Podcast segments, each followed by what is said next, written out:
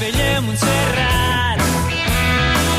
Desperta el barri a cops d'escombra, tot cantant les primeres persianes sobre feixugues badallant. Rere el vidre entelat, el cafeter assegura que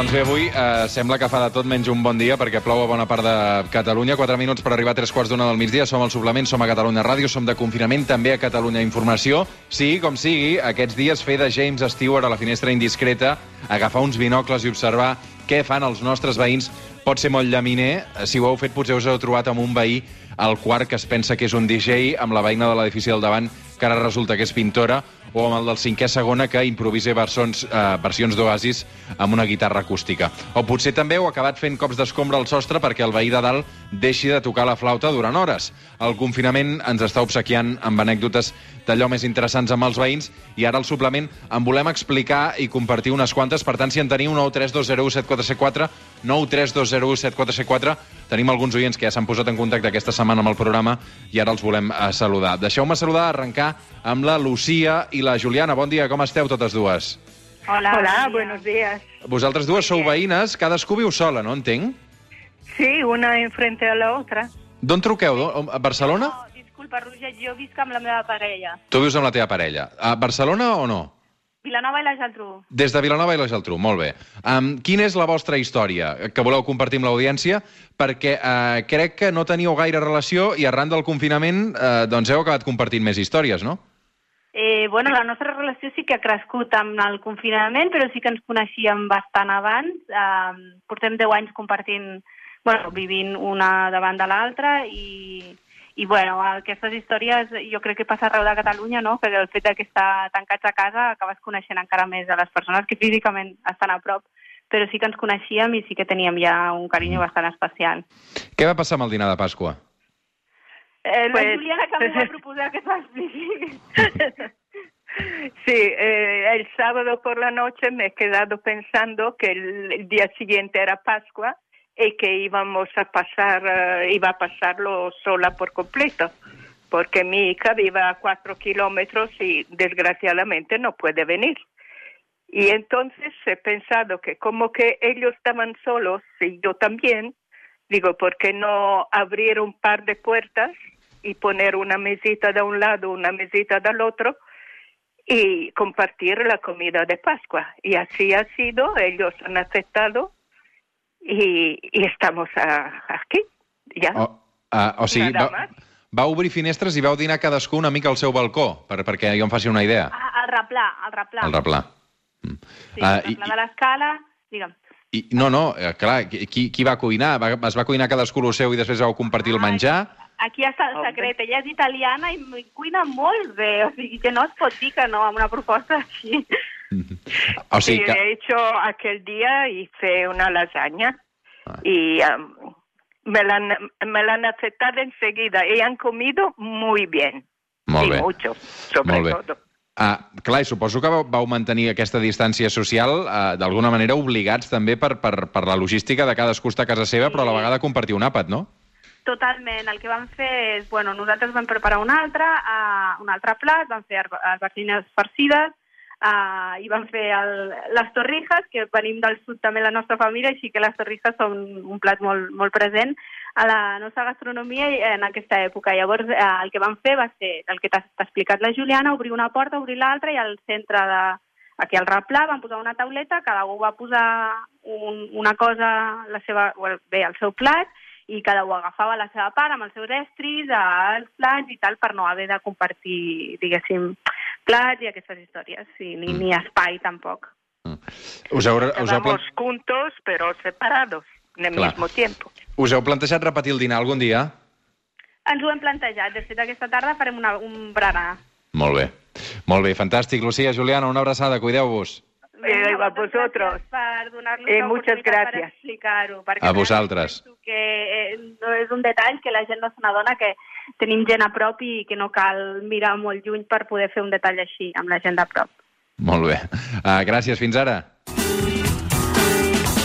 El dilluns cara a la feina, calibrem els resultats. Després llegim sense treva comentaris agrapats. Discutim bé la jugada del primer o de l'últim gol. I tots a fi de setmana pensem com un home sol.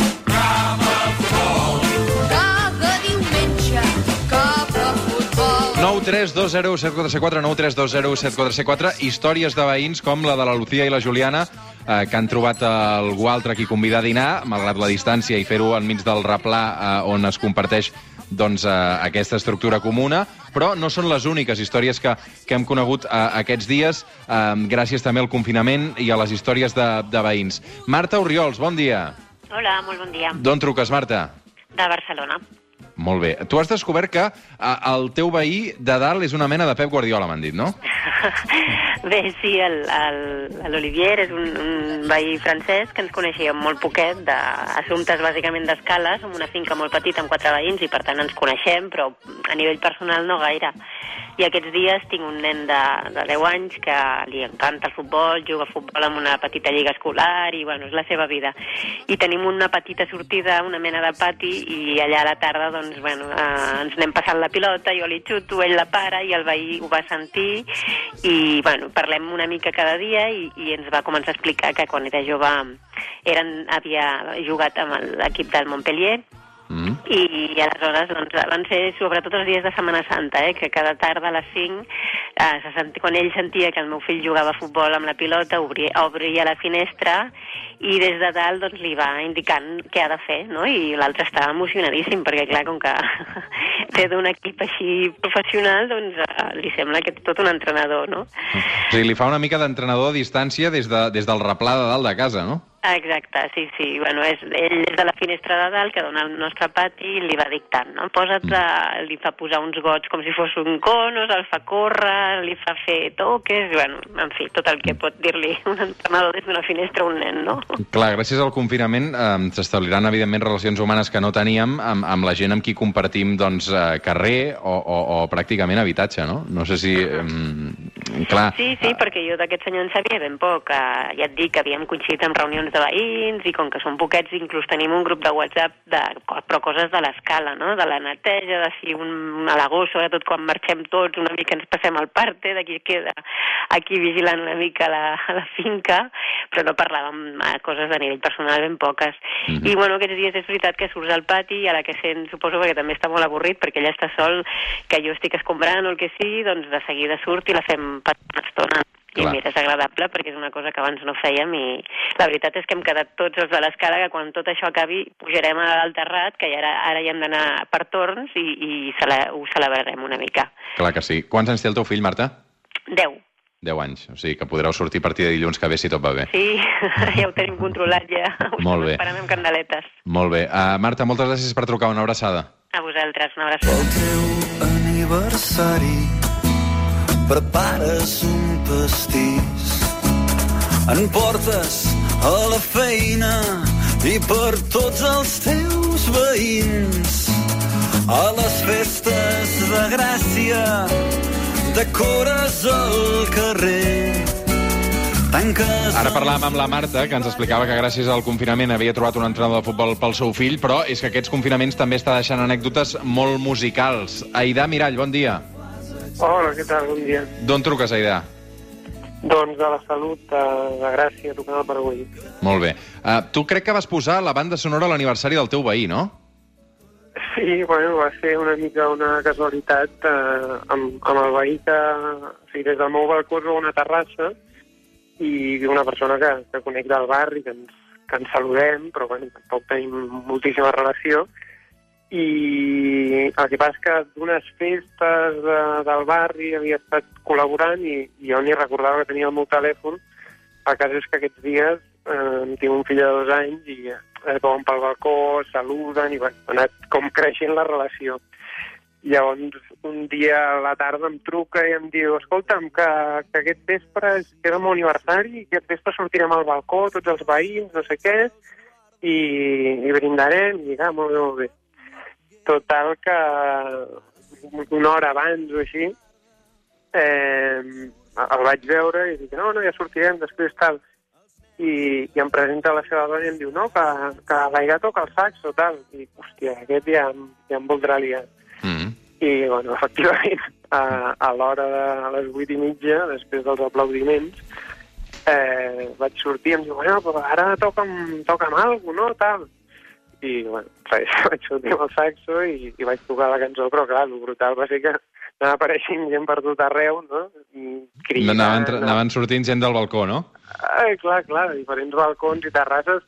A part és una mica diferent que l'Eixample, no? Vídeos que s'han vist que, que veus a tothom. Aquí no, no et veus perquè igual són terrasses que estan darrere, però et senten. Mm. I com que ell havia fet la convocatòria, Clar. doncs, bueno, va ser, va ser divertit per això, perquè anava sentint crits de gent que igual coneixes per la veu, però que no es, ve, no es veia físicament. Clar, eh, què, què vas tocar amb el saxo? L'aniversari feliç o... Sí, sí, sí, el vaig xocar Per i quan, després van dir, va, una altra vegada, no sé què, després ja em volia liar, que toqués més coses, vaig dir, no, no, ja està. Adéu. Que no, jo no, no em dedico a la música, toco Clar. un grup d'amics, però, però que no, no, no toco cada dia i assaig, entens? Mhm.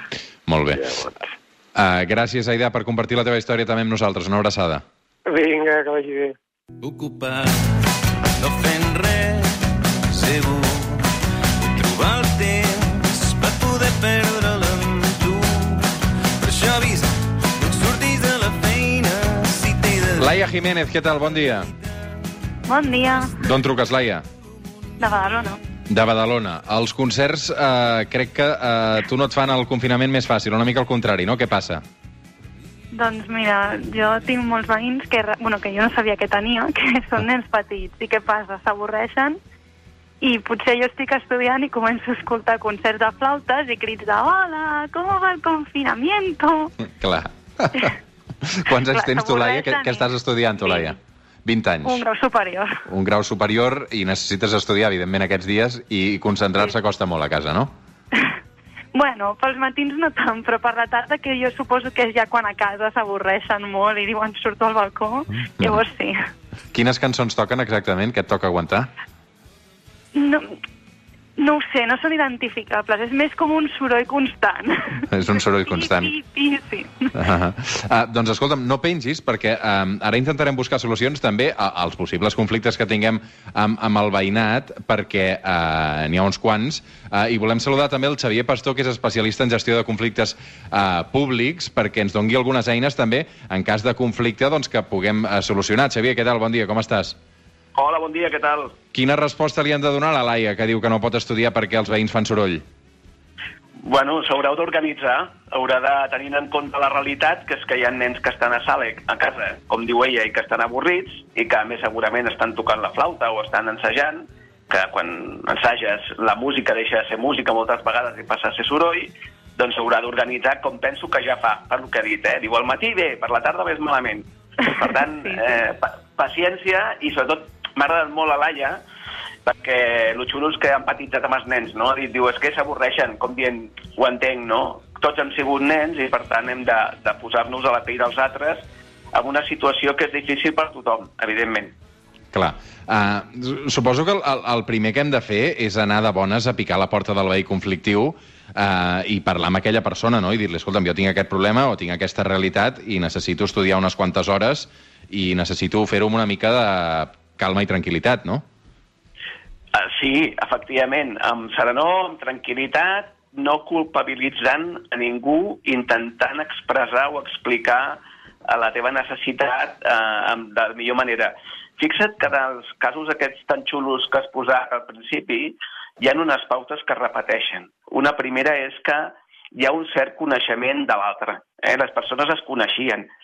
Totes han dit que havien tingut algun contacte. Eh? El cas de Pep Guardiola o el, aquest de Eh. l'Olivier deia que es coneixien poquet, però que es coneixien. el cas a l'Aida Almirall deien doncs això, no? que era el seu veí, que havien tingut contacte, que havien col·laborat en algun moment, i en el cas de la senyora que va fer el, el, la trobada en dinar amb el replà, doncs que hi havia fins i tot carinyo. Per tant, un element bàsic per intentar prevenir situacions conflictives és tenir eh, relació o conèixer la persona. Clar, eh, la Laia d'alguna manera diu que, que no sabia que tenia tants nens al seu voltant, potser si estan al, al, a l'edifici del davant és més complicat que entri en contacte, però si fossin del veïnat doncs seria més fàcil, com tu explicaves, no? de, de poder parlar o, com a mínim, contactar. Molt I bé. el, el, el paper de tecnologia també és important, eh? que ha aparegut el tema del WhatsApp com una eina, bueno, jo diria que amb, amb moltes capacitats. Eh, és evident que d'entrada parlant la gent s'entén, però en cas de que tinguem un veí que és poc receptiu, què més podem fer? Bueno, pot passar, pot passar. Fins i tot a mi també m'ha passat alguna vegada. Bueno, eh, aquí ràpidament, eh, clar, si és poc receptiu, és possible que ha sigut també perquè no hem acabat de fer una comunicació, diguem, positiva. No hem acabat de trobar el lligam, no, no hem sabut trobar aquell record positiu o aquell element positiu que tenim entre els veïns. Sempre hi ha alguna cosa que en algun moment hem tingut eh, de lligam, de vincle amb l'altre. Si no s'ha donat aquesta situació, jo recomano buscar un veí. Sempre hi ha un veí en totes les escales en el que tothom més o menys coneix perquè fa coses pels altres i, a més a més, té relació, molt bona relació amb tothom. Aquest pot, d'alguna manera, ajudar-nos fent de mediador informal i comunicant-li al veí que no és receptiu, doncs, escolta, que estem en una situació difícil, de confinament, que ens cal posar-nos a la pell de l'altre, que això que està fent puntualment, si s'allarga en el temps, molesta. I això funciona, és una cosa que funciona bastant bé. Aquest veí que cau bé a tothom, no? I és una, és una persona que, que és influent, d'alguna manera, eh? que té capacitat de persuadir, perquè ens agrada tenir relació, bona relació amb tothom. Molt bé, um, queden 3 minuts per arribar a la una del migdia, només em queden 3 minuts, però uh, deixa'm entrar encara una última trucada perquè en tenim moltíssimes. Eh? Marc de Barcelona, bon dia. Què tal, com esteu? Uh, ràpidament, quin problema tens tu? No, no és que tingui un problema, sinó que he detectat que els meus veïns just al dalt, i amb una finca d'aquestes on les parets són primetes, eh, cada cop s'estan animant més això del cardio fitness i jumping, no ho sé. No sé s'han muntat al gimnàs al menjador de casa, no? Sí, sí Clar. i la sensació era que al principi era més suau, però jo crec que s'està posant tota la família en forma, Clar. realment, perquè realment és un... És, és, és bastant molest. A, a, quina hora, a quines hores del dia passa això, Marc? Passa a les 5. A les 5 de la tarda, eh? descobrir perquè jo, jo també em vaig fer com un planning horari de cada dia de què volia fer. I a les, a les 5 era el, el meu moment de llegir. Em feia al sofà, obria el llibre i començava a sentir aquell soroll. Finalment el que he fet, eh, perquè també em fa cosa pujar dalt, són nous, jo no els conec, i la distància de seguretat, tot això, eh, he decidit que jo també faig el cardio a aquella hora. I ja està, Clar. ja ho tenim. Hi ha un bon rebombori. Com a mínim la resta de veïns deu estar contenta. Molt bé, molt bé. Doncs mira, bona solució. Uh, al final has canviat els horaris i, i te n'has pogut M'he sortir. adaptat a ells. M'he Molt bé, molt bé. Gràcies, Marc, per compartir la teva història amb nosaltres, també. A vosaltres, felicitats pel programa. I moltes gràcies també al Xavier Pastor, especialista en gestió de conflictes públics, eh, avui per eh, acompanyar-nos també una estona al suplement, eh, i a tots els oients que, en definitiva, eh, heu volgut compartir aquesta història amb nosaltres.